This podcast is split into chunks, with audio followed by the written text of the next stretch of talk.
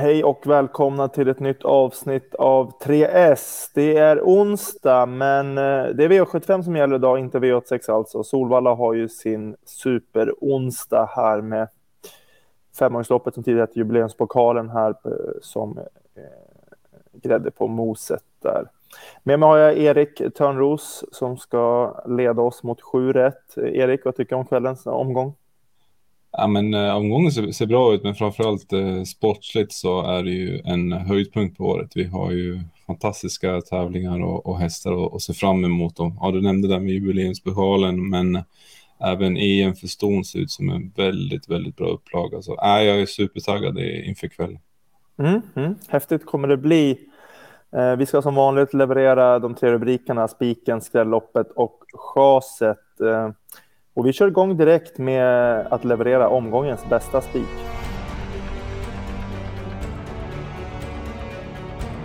Första rubriken alltså. Spiken, Erik. Vart hittar vi omgångens bästa spik? Nej, men vi river av plåstret direkt. Då kommer spika nummer sju, Tangen Bork. Eh, ja, han blev ju slutade ju tvåa bakom Evart i Elitkampen och ja, han kommer med tre raka segrar. Här ser vi när han spurtar bra senaste seger och ja, formen är god och han möter ju ja, väldigt, väldigt eh, lätt motstånd idag mot vad han normalt sett gör. Eh, loppet i sig står väl kanske mellan två hästar, nummer sex eh, Brenne Odin och nummer sju Tangen Bolk. Men ja, Brenne Odin vill man ju gärna köra i rygga så alltså, ja, vi läser tidig ledning här för Tangenborg och, och, och, då ska det här loppet nästan vara slut. Så nej, spik nummer sju Tangenborg. Mm. Stabilt. Han går med vanlig vagn nu. Det står amerikansk vagn i, i programmet några gånger. Men det är väl samma vagn han går med? De har någon special. Ja, ja men precis. Om man tittar där i...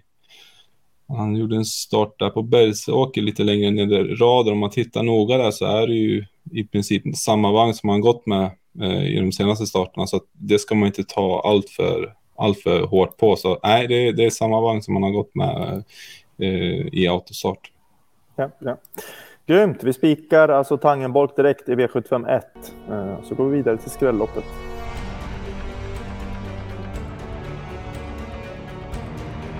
Dags att gräva fram lite skrällar alltså. Eh, det är omgångens skrällopp vi pratar om då, Erik. Vart har vi det?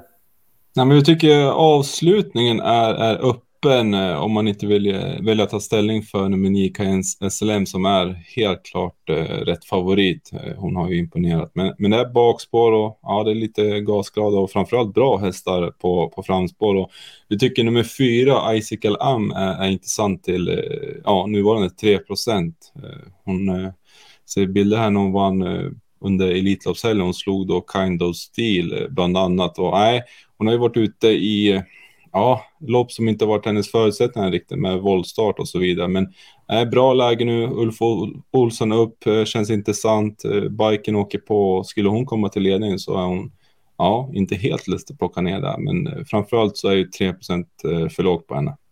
Mm, mm. Skrälloppet är hur många streck tror du att man behöver? Eller är det liksom heltäckning som gäller eller finns det någon gräns tycker du? Är det väldigt öppet? Liksom? Ja, men det är väl sju, åtta nio streck kanske. Och det, det talar ju väldigt bra bakom där Cayenne SLM och Ginger Peach ifrån bricka 1. Hon, hon, kan ju öppna men ja, det är spår 1 och må, många snabba utanför. Skulle hon bli av med ledningen så, så uh, känns det ju otroligt öppet.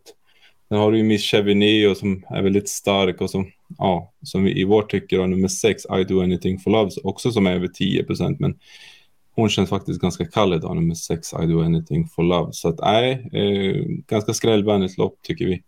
Mm -hmm. Jag gillar den här 10 Kentucky Derby som jag tycker är stark och rejäl och stå inne här på 100 kronor bara i det här loppet. Mm, precis. Mm. Ja, men precis. Och som vi sa där innan, den förväntad hård körning, många som, som kan öppna 1, 2, 3, 4, 5, 6. Och ja, det känns som att många vill nå täten. Och som du säger med, där med Kentucky Derby, hon var ju väldigt bra som tvåa senast. Hon tål att göra jobbet och biken åker på nu och inne på kronan. Så nej, även intressant. Mm. Grymt, vi garderar rejält i V757 alltså. Eh, så det är dags för tredje och sista rubriken som är chaset.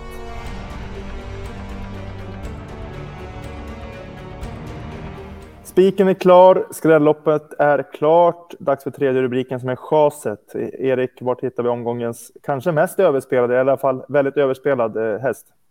Mm. Då går vi till eh, V752 och vi chasar faktiskt en obesegrad häst efter tre starter i karriären. En treåring eh, som heter, eller Savile Row nummer två. Eh, Timo Nurmo, som har, eller han har visat talang och, och allt det. Man möter ju klart, klart tuffare motstånd nu och spå två. Eh, vi tror inte att han kommer till någon ledning för det tror vi nummer ett eh, Icebreaker Pellini gör och, och där kommer de köra. Eh, men framförallt så, ja, han är en nästintill, ja inte riktigt favorit men eh, väldigt nära och över 20-25 procent är, är alldeles för mycket på den här hästen när, när det inte är någon ledning. Och, ja, möter klart tuffare ikväll. Mm, mm. Big Noon-pokalen här, de fyraåringarna som står på 20 meters tillägg här, det, det är några riktigt tuffa där bak uh, på tillägg. Där.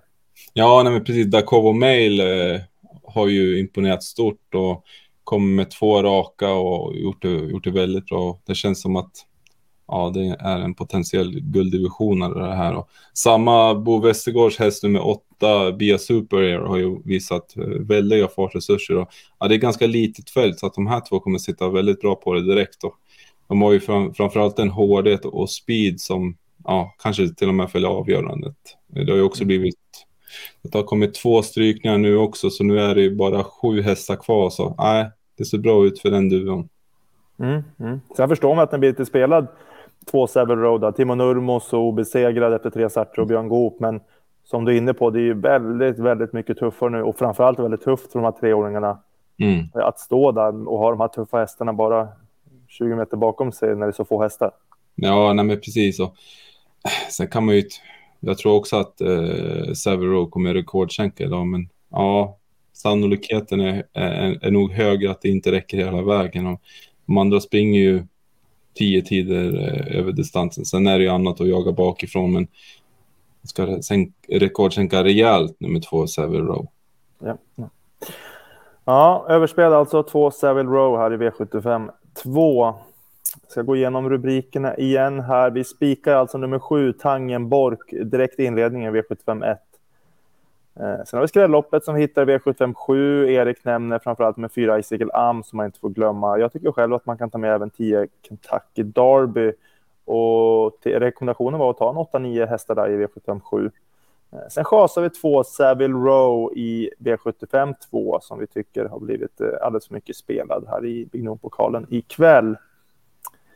Tack för att ni tittade tittar. Eh, glöm inte att vi kör live-rapportering ikväll som vanligt med start 17.30 på Travrondens spel. Eh, alltid ett måste om man vill sätta sjuan. Eh, det är grymma tävlingar så att eh, se till att eh, följa, kolla och eh, så ska vi tillsammans sätta sjuan. Tack för att ni tittar.